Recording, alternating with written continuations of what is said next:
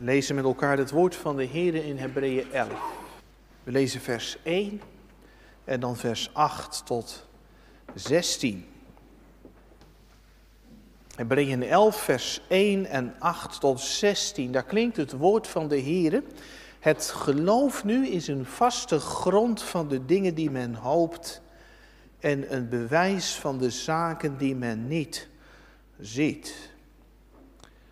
Ik vond dat vroeger altijd een heel lastige tekst. Het is een soort definitie van wat nou eigenlijk geloof is. Maar wat staat daar nou eigenlijk? Het geloven heeft alles te maken met je vastklampen aan het woord van God, ook al zie je helemaal niks. Omdat je weet wat God zegt, dat is betrouwbaar en dat komt. En er worden er allemaal voorbeelden genoemd in dit hoofdstuk van gelovigen in de tijd van het Oude Testament, die zich ook aan dat woord van God hebben vastgeklampt. En soms tikte de wereld tegen voorhoofd, zoals in de dagen van Noach. Wie gaat er nou een schip bouwen op het droge? Waar is dat water dan? Jaren en jaren is Noach uitgelachen. Maar aan het eind van de rit, toen wilde heel de wereld Noach zijn. Dan lezen we vanaf vers 8 verder en dan gaat het dan over een andere gelovige uit de tijd van het Oude Testament, Abraham. Door het geloof is Abraham toen hij geroepen werd gehoorzaam geweest. Om weg te gaan naar de plaats die hij tot een erfdeel ontvangen zou. En hij is weggegaan zonder te weten waar hij komen zou. Door het geloof is hij een inwoner geweest in het land van de belofte als in een vreemd land. En heeft hij in tenten gewoond met Isaac en Jacob, die mede-erfgenamen waren van dezelfde belofte. Want hij verwachtte de stad die fundamenten heeft, waarvan God de bouwer en ontwerper is. Door het geloof heeft ook Sarah zelf kracht ontvangen om zwanger te worden en een kind te baren, ondanks haar hoge ouderdom, omdat zij hem getrouw heeft geacht die het beloofd had. En daarom zijn er zelfs uit één man, en dat uit iemand wiens kracht al gestorven was, zoveel geboren als de sterren van de hemel in menigte en als het zand op het strand van de zee dat niet te tellen is. Deze allen zijn in het geloof gestorven. Zij hebben de vervulling van de belofte niet verkregen, maar hebben die vanuit de verte gezien en geloofd en begroet. En zij hebben beleden dat zij vreemdelingen en bijwoners op de aarde waren. Want wie zulke dingen zeggen, laten duidelijk blijken dat zij een vaderland zoeken. En als zij aan het vaderland gedacht hadden van waaruit zij weggegaan waren, zouden zij gelegenheid gehad hebben om terug te keren. Maar nu verlangen zij naar een beter, dat is naar een hemels vaderland. Daarom schaamt God zich niet voor hen om hun God genoemd te worden. Want hij had voor hen een stad gereed gemaakt.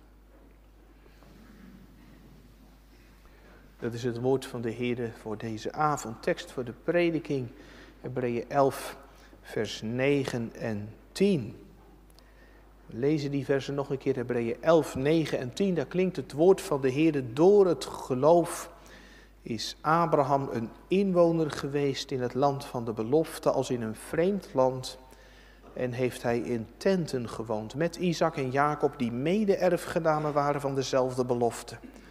Want hij verwachtte de stad die fundamenten heeft, waarvan God de bouwer en ontwerper is.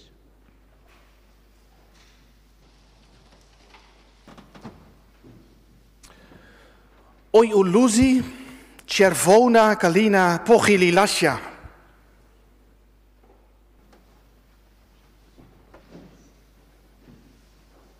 Dat verstond je denk ik niet. Nee. Dat kan ik me voorstellen. Maar als je Oekraïner was, dan was je nu denk ik opgestaan en dan was je gaan zingen. Want dit regeltje raakt dan een gevoelige snaar in je hart. Want het is eigenlijk een regeltje uit het tweede volkslied van Oekraïne, zeg maar het volkslied uit oorlogstijd. Je kunt dat nu in Oekraïne op de radio horen, uh, in de metro. Mensen maken er een ringtoon van.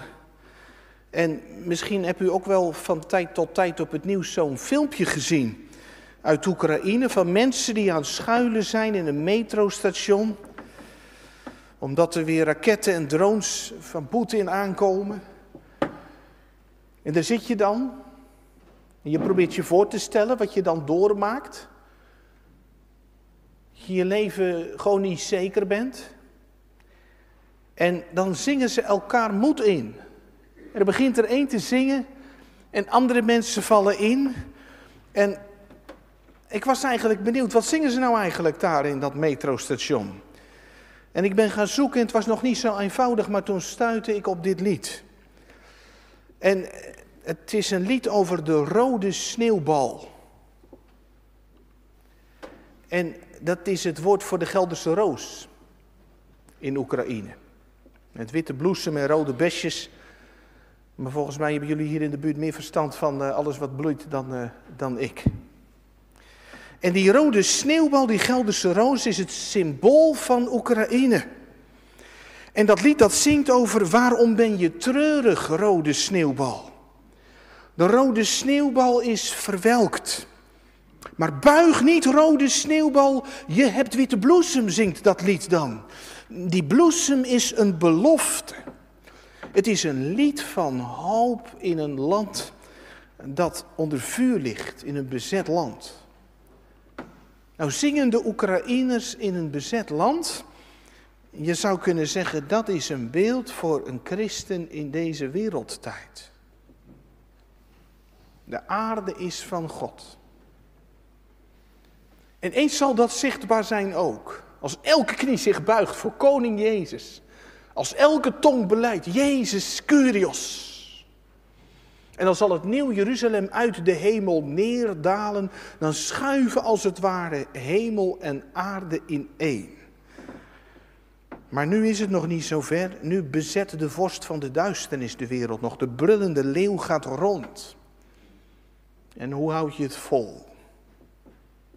Nou, je zou kunnen zeggen, God zet in met een belofte en wij vallen in door liederen te zingen van het hemels vaderland.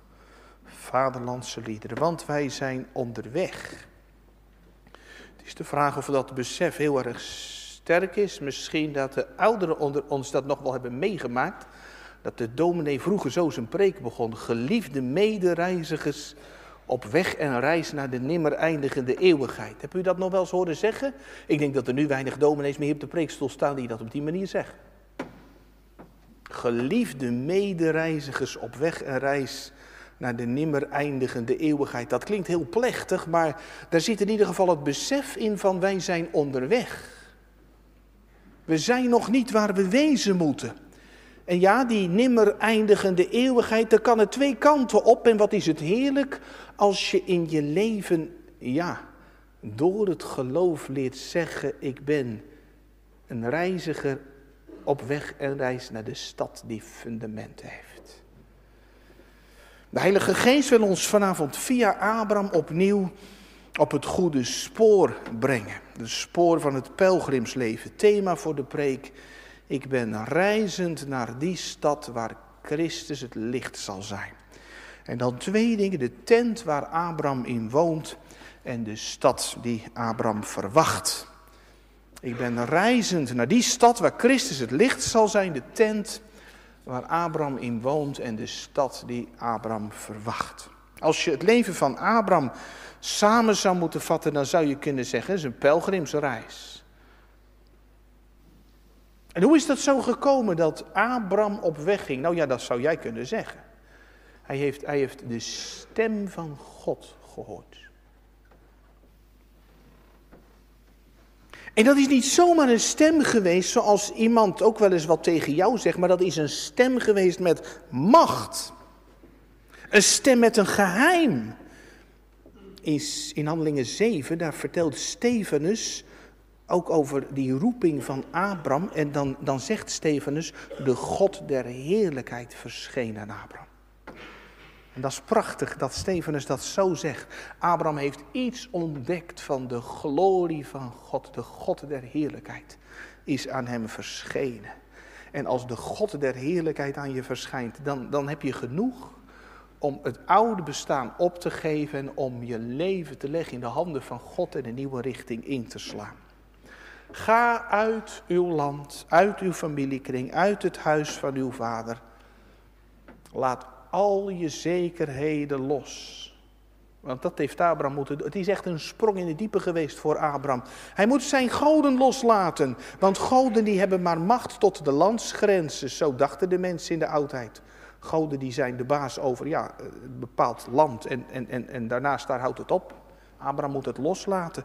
Hij geeft zijn sociale zekerheden op. Je familie komt voor je op als je aangevallen wordt. Je familie zorgt voor je als je ziek wordt. En Abraham geeft zijn financiële zekerheden op. Hij had werk, hij had inkomen. Maar die plek waar hij naartoe gaat, is daar voldoende voedsel voor hem en voor degenen die bij hem horen en voor zijn vee? Kan hij daar eh, voor brood op de plank zorgen? Wie moet voor hem zorgen? Nou, dat zegt de Heer er gelukkig bij. Er klinkt drie keer het woord uit, maar ook drie keer het woord ik zal. Ik zal uw land wijzen. Ik zal u tot een groot volk maken. Ik zal u zegenen. En dat is eigenlijk het christenleven in een notendop. God vraagt het offer van je hele bestaan. En God geeft de belofte van een betere toekomst. En als je de weegschaal erbij zou pakken, God vraagt het offer van je hele bestaan. En, en God geeft de belofte van een betere toekomst. Dat weegt het zwaarst, die belofte van God. Die roeping is heel wat. Maar wat God belooft, dat geeft de doorslag. Ik hoop dat u dat herkent. Ik hoop dat jij dat ook herkent. Christen zijn heeft heel grote consequenties. Dat is alles bepalend voor hoe je in het leven staat. Want de kerkdienst is niet, je gaat een poosje in de draaimolen zitten en je wordt geëntertained. En dan stap je er weer uit en dan ga je morgen gewoon weer verder met je eigen leventje. Maar als de God der heerlijkheid verschijnt, dan gaat er in je leven een beslissende wissel om. Dan ben je niet meer van jezelf. En dat is heel wat. Dat is een sprong in het diepe. Ik vind dat mooi op categorisatie. Dan kunnen we altijd gewoon heerlijk eerlijk tegen elkaar zijn. Dat de jongeren dat ook wel eens zeggen. Ja, christen zijn, maar dan moet je zoveel opgeven. Want wat ik nu kijk en luister en waar ik naartoe ga, en dat is terecht. Christen zijn dat vraagt het offer van je hele bestaan. Nee, en daar ga je nooit vanuit jezelf aan beginnen. Misschien klinkt het heel benauwd.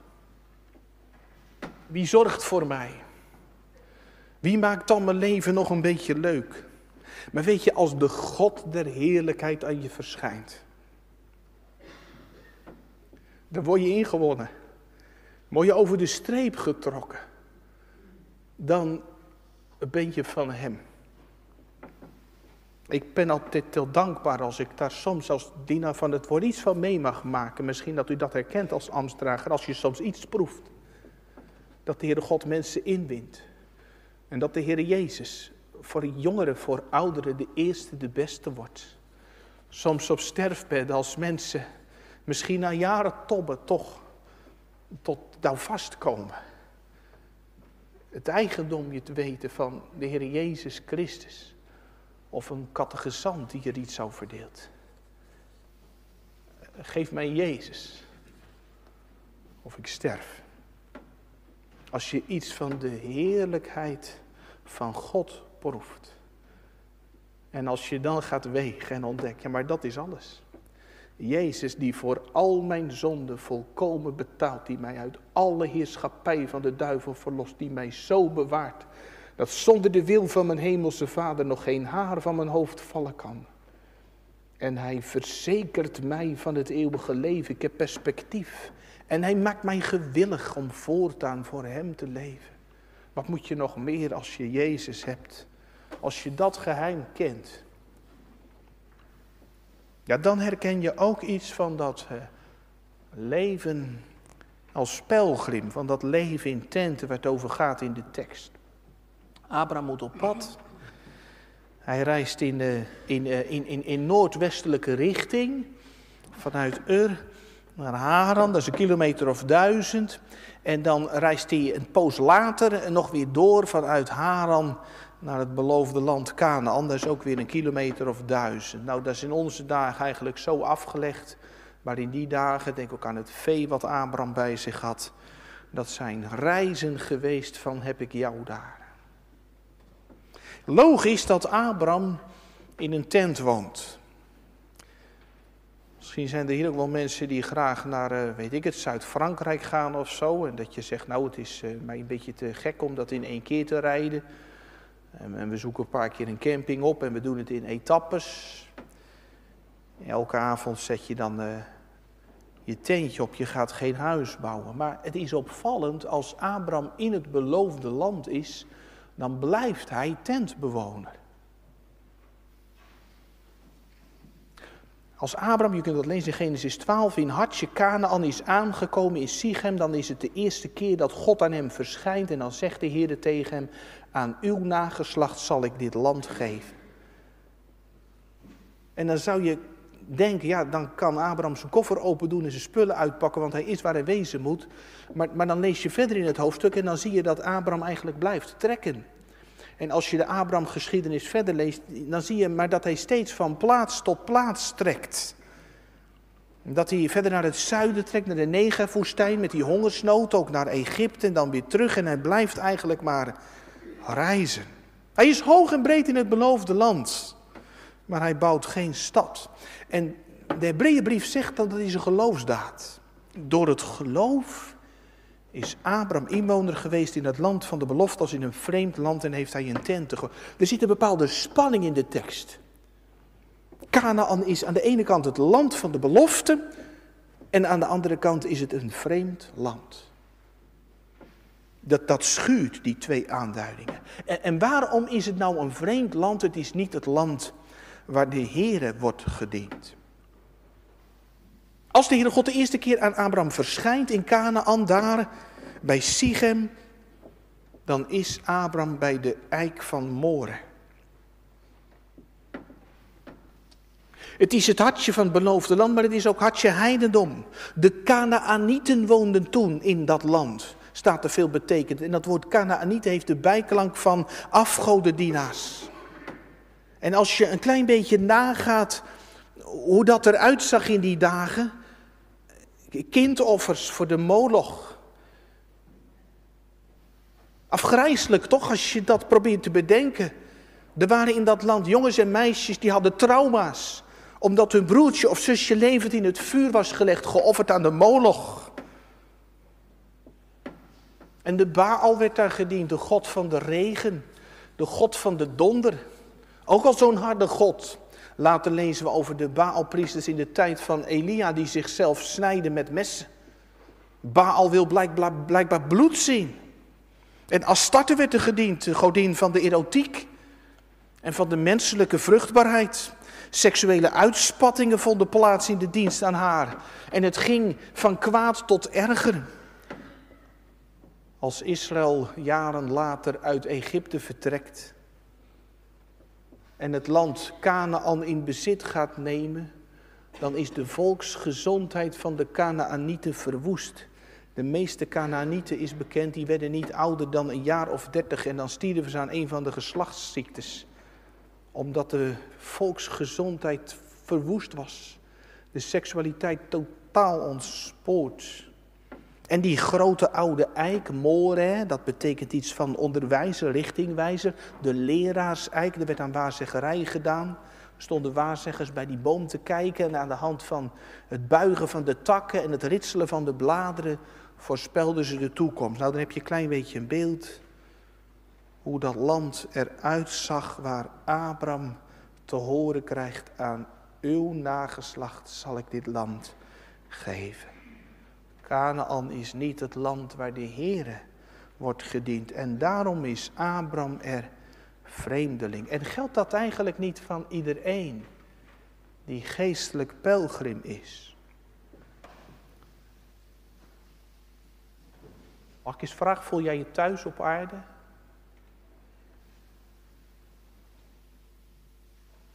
Heb je het naar je zin in de wereld? God heeft recht op Nederland. De aarde is van Hem. Maar de Heere wordt op zoveel momenten en op zoveel plekken niet gediend. Een wereld vol normloosheid, waar het draait om je ik. Waar mensen leven voor de kik, mijn verlangens, mijn hartstocht. En de baaldienst van nu. Eruit halen wat erin zit, het leven afkluiven tot op het bot. De prestatiedruk is enorm. Tot bloedens toe moet je je presteren. Zoals die baalpriesters zichzelf sneden. En wat oud en zwak is, is eigenlijk niet in tel. En de Astarte-dienst in onze dagen. Heer Jezus zegt in zijn onderwijs dat het in het laatste dagen zal gaan van de dagen van Noach naar de dagen van Lot. En de dagen van Noach, dat is eten, drinken, trouwen. En God komt in dat rijtje niet voor, maar de dagen van Lot, daar komt niet eens trouwen meer in voor. Een ongelikte maatschappij. Waarin alle remmen losgaan. Lot, die houdt het in zijn dagen voor mogelijk dat het de mannen van Sodom niet uitmaakt of dat ze seks hebben met die mannelijke gasten die bij hem zijn of met zijn dochters. Totaal doorgeslagen, totaal alle remmen los. En Jezus zegt in het laatste der dagen, ziet de wereld er zo uit, merkt u het om u heen. En hoe vaak ik wel niet via een eh, bushokjesreclame word uitgenodigd voor een avontuurtje.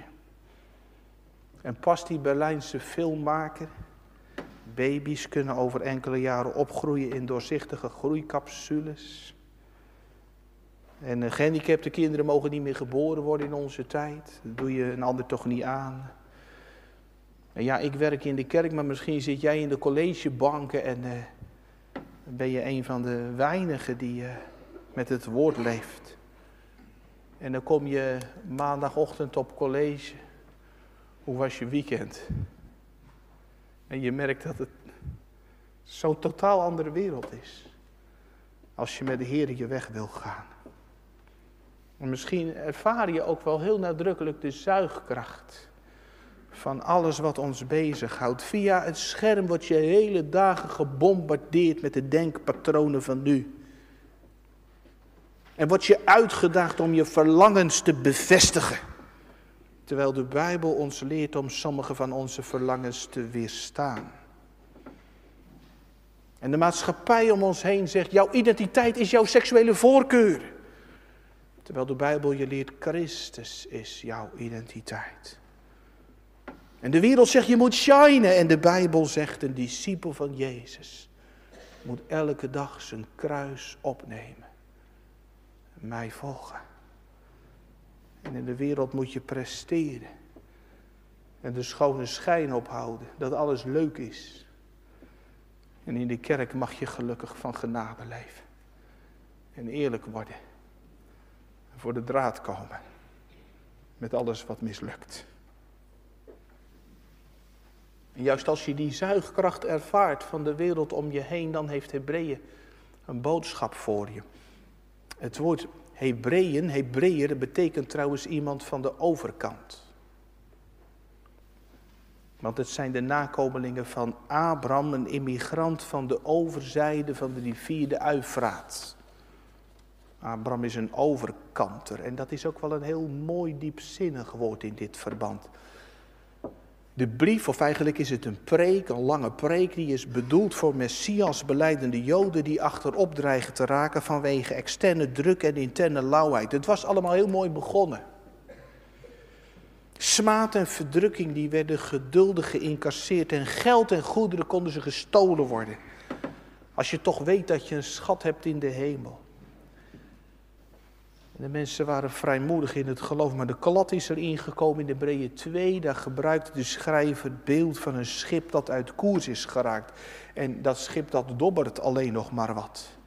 En dan zeg je, ja, lijkt de kerk in het Westen niet een beetje op, op, op dat schip? Wat, wat ronddobbert op de golven van secularisatie en lauwheid. Misschien leest u dezelfde krant als ik. Poosje terug stond er een uh, stukje van dominee Valentin Reshetsky. Die uh, komt uit Oekraïne, die heeft in mei Nederland bezocht. En toen kwam hij terug in Oekraïne en toen ontdekte hij heel veel nieuwe gezichten in zijn gemeente. De ellende door de oorlog met de Russen brengt mensen naar God, zegt hij. Maar hij zei er nog iets bij. Hij zei dat hij ook zou bidden dat God de Oekraïners in Nederland niet zou vergeten. Dat zij niet verleid zouden worden door welvaart en veiligheid. Blijkbaar had hij in de korte tijd dat hij in Nederland was, dat heel scherp gezien. Dat dat een grote bedreiging is voor het leven van het geloof. Veiligheid en welvaart. Zou het kunnen zijn dat dat het gevaar is waar wij volop mee hebben te dealen? Door de welvaart kunnen onze verlangens in het hier en nu voor een heel groot deel worden vervuld. Waardoor zomaar de eeuwigheid achter de horizon verdwijnt. U kent misschien wel de naam van Herman Paul. Die zegt over secularisatie, dat is dat de verlangens naar succes en naar status en geluk belangrijker worden dan het verlangen naar God en zijn toekomst. Dus dat verlangen naar God en zijn toekomst, dat is er wel. En dat herkennen we met elkaar misschien ook. Tuurlijk. Straks. Maar dat voert niet meer de boventoon. Dat staat niet meer op één. Met alle gevolgen van dien dat je als christen geen pelgrim meer bent, maar een soort toerist. Die inderdaad in de draaimolen stapt van alles wat er te doen is hier en nu. En je merkt wat de gevolgen zijn in de Hebreeënbrief. De strijd tegen de zonde neemt af in de Hebreeën 12. U hebt nog niet tot bloedens toe gestreden. En de moraal vlakt af in de Hebreeën 13 kun je er wat over lezen op het gebied van seksualiteit. Blijkbaar was het ook in de dagen van toen niet logisch en niet vanzelf. Dat je ging in het spoor van de Heer Jezus en de broederliefde begint te ontbreken. En de gastvrijheid wordt opgegeven. Groot gevaar dat je als eh, christen als een chameleon meekleurt met je omgeving. In plaats van dat je beseft, ik ben een overkanter. Ik ben door de doop van Gods wegen geroepen tot het pelgrimsleven om de wereld te verlaten, mijn oude natuur te doden en in een nieuw godzalig leven te wandelen. Maar wij zijn burgers van de hemel, schrijft Paulus, waaruit wij ook de zaligmaker verwachten. De christenen uit de begintijd van de kerk, die vielen op door hun leven in het Romeinse Rijk in de derde eeuw nam de bevolking aanzienlijk af. Dat te maken met oorlogen en pestepidemieën. En die pest die maakte tussen het jaar 252 en 270 heel veel slachtoffers. Mensen die raakten in paniek en die vluchtten weg om de stad te ontvluchten, om besmetting te ontvluchten. Hele steden stonden leeg. En hoe deden heidenen dat? Nou, als er iemand was die de verschijnselen begon te krijgen van de pest, dan joegen ze diegene weg, zelfs als het een geliefde was. En ze smeten halfdode mensen op straat. En ze wierpen lijken zonder begrafenis als vuilnis weg om elk contact met doden te vermijden. Maar Dionysius die schrijft dan over de christelijke barmhartigheid. De meeste broeders spaarden zich niet. Ze gingen ver in naaste liefde. Ze bezochten zieken, ze verzorgden hen. Ze werden zelf besmet. Ze kregen de ziekte. Ze leden eraan zonder te klagen. Veel christenen stierven na anderen verzorgd en getroost te hebben. Nou ja, dat is, dat is leven in navolging van de Meester, die ons heeft liefgehad en zichzelf voor ons gegeven heeft. Ja, en daar begin je natuurlijk niet aan als je alleen maar dit leven hebt. Hè? Dan moet je dit leven uitknijpen als een citroen. Maar als je weet, ik heb, ik heb, ik heb straks nog de eeuwigheid. En dit leven hier en nu is maar zo'n klein stukje ten opzichte van die nimmer eindigende eeuwigheid. Wat moet er gebeuren om, om, om pelgrim te worden? Om pelgrim te blijven? Om, om die toonhoogte weer te vinden? Hoe heeft Abraham dat eigenlijk volgehouden? Want honderd jaar nadat hij Ur heeft verlaten, blaast hij zijn laatste adem uit. En dan heeft hij nog helemaal niets van het beloofde land gekregen. Stevenus zegt in Handelingen 7 nog geen voetstap. Hij heeft geen vierkante centimeter van dat land gekregen. Hij heeft alleen een stuk grond gekocht voor een schandelijk hoog bedrag. De spelonk van Machpela, een graf. En waarom heeft Abraham nou niet gezegd, nou ja, ik denk dat het niks gaat worden hier. Ik zoek wel een ander land. En waarom heeft Abraham niet gezegd, weet je wat, als ik er nou tussen wil komen, zal ik dan ook maar eens de Baal en de Astarte gaan dienen?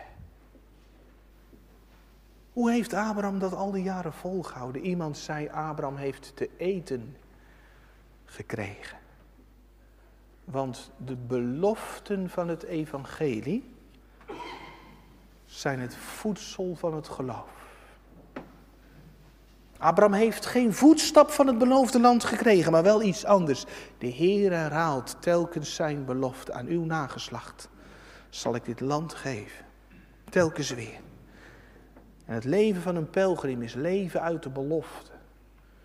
Leeft u uit de belofte. Denk alleen maar aan die doopbelofte die God deed aan het begin van uw leven.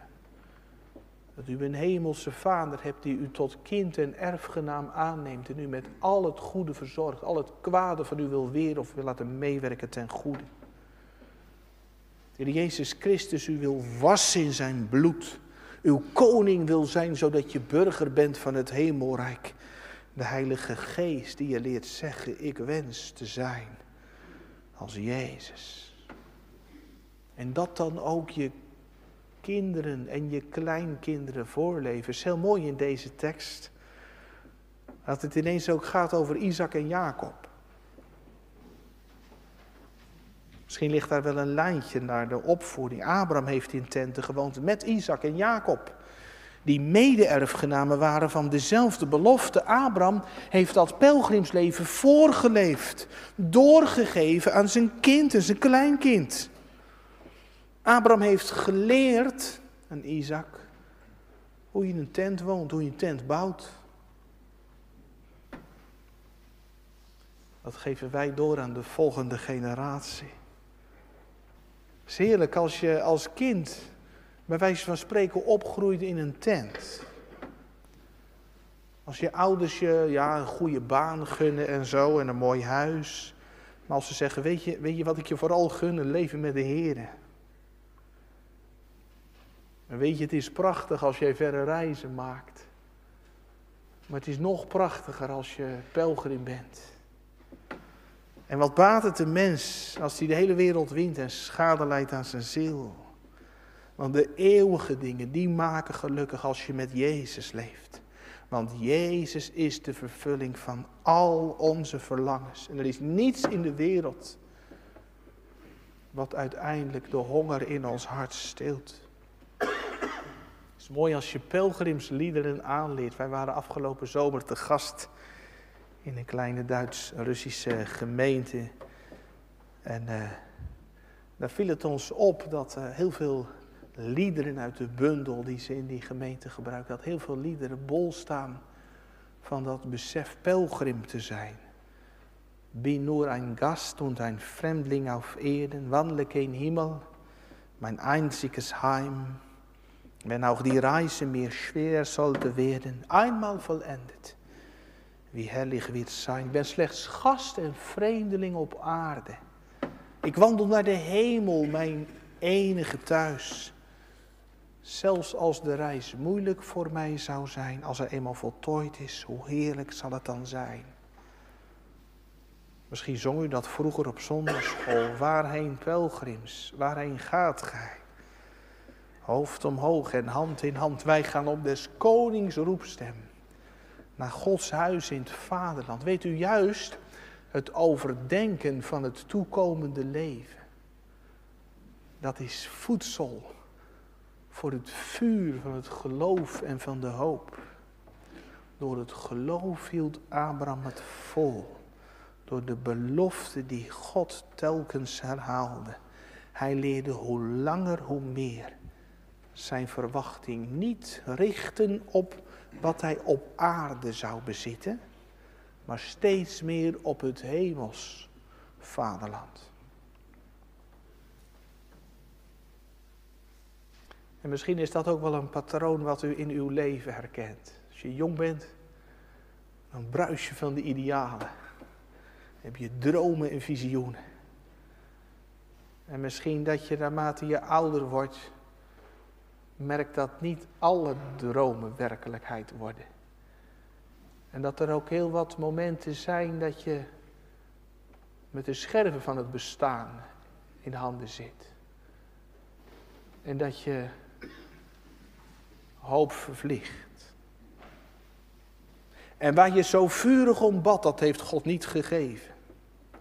Maar dat zou zomaar kunnen zijn dat dat te maken heeft met de wijsheid van God, die je hoger op wil laten zien. Net als Abraham, want hij verwachtte de stad die fundamenten heeft, waarvan God de bouwer en ontwerper is. Een stad met fundamenten. In Woudenberg wordt een nieuwe kerk gebouwd. En er zijn pas van die eh, betonpalen de grond ingeboord. 18 meter diep, alsjeblieft. Want die kerk die moet staan als een huis. Liefst tot aan de dag van de wederkomst. En, en, en dat is het grote verschil met een tent. Een tent heeft geen fundament. Als je kamperen gaat, dan ga je niet graven. Die tent die staat met twee weken. Een paar haringen de grond in. Abraham verwachtte de stad die fundamenten heeft. De stad die altijd blijft waarvan God de bouwer en de ontwerper is. In de Statenvertaling daar staat, waarvan God de kunstenaar en bouwmeester is. En dat noem ik expres eventjes, want dat eerste woord wat hier gebruikt wordt, bouwer, kunstenaar, dat wordt ook gebruikt voor Demetrius, de zilversmid, weet u wel, uit Eversen. Als iemand die zilver bewerkt, en dat is een vak apart, dat is een kunst. En zo is God de kunstenaar van die stad waar Abraham naar verlangt. Want dat is een kunstwerk op zich. Je kunt erover lezen aan het eind van de Bijbel in openbaring.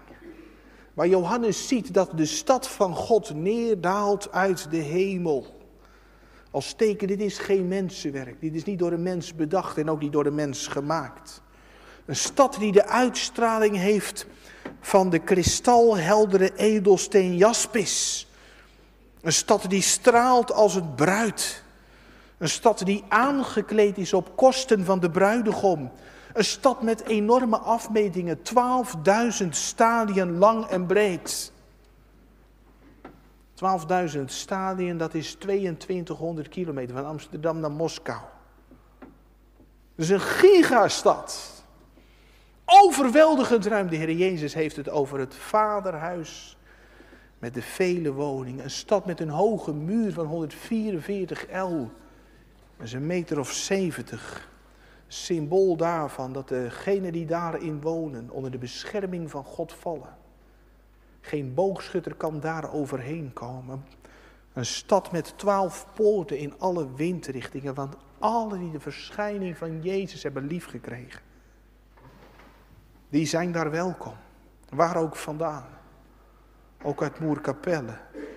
Als je in Jezus ontslaapt, waar je ook vandaan komt, dan kom je daar thuis. Die stad is vierkant, een volmaakte vorm. En de poorten zijn parels en de straten van zuiver goud, want alleen wat zuiver is, komt binnen. Alles is daar tot Gods eer. Hier de wereld zo corrupt en verrot als wat en daar alles tot eer van God en van het Lam. En het is een stad zonder tempel, want er is geen tempel meer nodig. Geen aparte plaatsen meer om God te ontmoeten. Want het Nieuw Jeruzalem is één groot heilige der heiligen. Overal is God te vinden. En daar hoef ik niet meer in de Bijbel te lezen om meer over God te leren, want God zal bij hen zijn. En uh, daar hoeven we niet meer met het avondmaal, met de tekenen, de gemeenschap met de Heer Jezus te oefenen. Want daar zal de gastheer er zelf bij zijn. Ze zullen zijn aangezicht zien. Een stad waarin alles is zoals God het had bedoeld, waar ik mag luisteren naar zijn liefdestem. Zijn dienstknechten zullen hem dienen. God is de kunstenaar van die stad. En de bouwmeester, de schepper. Dat duidt op de macht om die stad te bouwen. Heeft Jezus voor betaald. Ik ga heen om een plaats voor u te bereiden in dat vaderhuis met de vele woningen. Nou ja, die stad, die heeft Abraham verwacht. In de grondtaal wordt een werkwoord gebruikt en dat ziet op ingespannen verwachten, zoals Psalm 130. Turen langs de horizon, of het morgenlicht al gloort. Hoe is dat bij u, bij jou? Waar zoek je je geluk? God geeft zoveel te genieten en daar mag je hem voor danken. En tegelijk echt geluk. Dat ligt in Jezus alleen. En dan komt er in je leven iets van dat besef, ik ben een tentbewoner. Dat staat soms op een huis, een relinquenda. Moet verlaten worden betekent dat. dat. Dat zou je op alle huizen kunnen schrijven. Op je studentenkamer, op je flatje, op je rijtjeswoning, op je villa, op je bewaarde, bejaarde woning. Want van alle adressen geldt vroeg of laat Trek ik hier de deur achter me dicht of wordt de deur achter me dicht getrokken? En wat is dan mijn volgende adres? Nee, God roept ons niet om kluizenaar te worden. We zijn geroepen om het licht der wereld te zijn. En dat is meer dan ooit nodig, want de tekenen der tijden die liegen en niet om. God brengt Israël thuis. En het evangelie is bijna de wereld rond. Ik las dat ooit een keer, dat in de laatste eeuw meer volkeren met het evangelie bereikt zijn dan in alle negentiende eeuwen daarvoor bij elkaar. Dus de evangelieverbreiding neemt een enorm hoge vlucht. Radio en internet spelen daar natuurlijk een heel grote rol in. En nog even, en het evangelie is de wereld rond. En de Heer Jezus zegt dit evangelie van het koninkrijk. Dat zal aan de hele wereld gepreekt worden tot een getuigenis voor alle volken. En dan zal het einde komen. En tegelijk ook die keerzijde, wat de Bijbel zegt in het laatste der dagen. Daar zullen de mensen meer liefhebbers van zichzelf zijn. En liefhebbers van genot. Dan liefhebbers van God. Het is met handen te tasten. En juist daarom, wat is er dringend behoefte? aan zoutkorrels in onze maatschappij.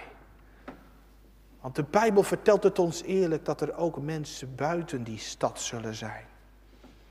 Zalig zijn zij die zijn geboden doen, zodat zij door de poorten de stad mogen binnengaan. Maar de lafhartigen, de ongelovigen, de verfoeilijken, de moordenaars, de ontuchtplegers, de tovenaars, de afgodendienaars, alle leugenaars, hun deel, hun adres is de poel die brandt van vuur en zwavel. Dat is afgrijselijk. Daar kun je alleen maar met schroom over praten en over preken. De poel die brandt van vuur en zwavel. Maar God vertelt het ons eerlijk, omdat Hij niet wil dat iemand verloren gaat. En hoe word ik burger van die stad met fundamenten? Die stad heeft een toegangsweg. En die toegangsweg is Jezus. Ik ben de weg, de waarheid en het leven. Niemand komt tot de Vader dan door mij. Hij laat letterlijk over zich heen lopen. Hij wordt in elkaar getimmerd door die kinderbakslagen. Zijn huid wordt opengereten met een geesel. Opdat Gods straffende hand niet mij zou treffen. Als oud vuil wordt hij de stad uitgegooid als de grote vreemdeling. Die nergens een plek had om zijn hoofd neer te leggen. Om mijn toegangsbewijs voor het hemels Jeruzalem te betalen. Gemeente, heb u Jezus lief? Is Hij voor u gaan schitteren in de verkondiging van het woord? En als je voor jezelf je Bijbel leest. Want je moet het lam kennen om de stad binnen te gaan. En als je het lam kent, dan mag je op grond van het woord zeggen, wij weten dat wanneer de tent van ons aardse huis wordt afgebroken, wij een gebouw van God hebben. Een huis niet met handen gemaakt, maar eeuwig in de hemelen. Dan ben je zo'n geliefde medereiziger op weg en reis naar de stad met fundamenten. En dan mogen we elkaar bemoedigen met vaderlandse liederen, omdat die een snaar in je hart raken. Oekraïens verstaat u niet. Maar ik hoop wel dat u die taal van het woord verstaat. Het heigende hert. En iedereen valt in. Dan ga ik op tot Gods altaren. Wat ben je dan een gelukkige mens. Net als Abraham, nu in een tent. En straks in de stad. Met het lam in de troon. Amen.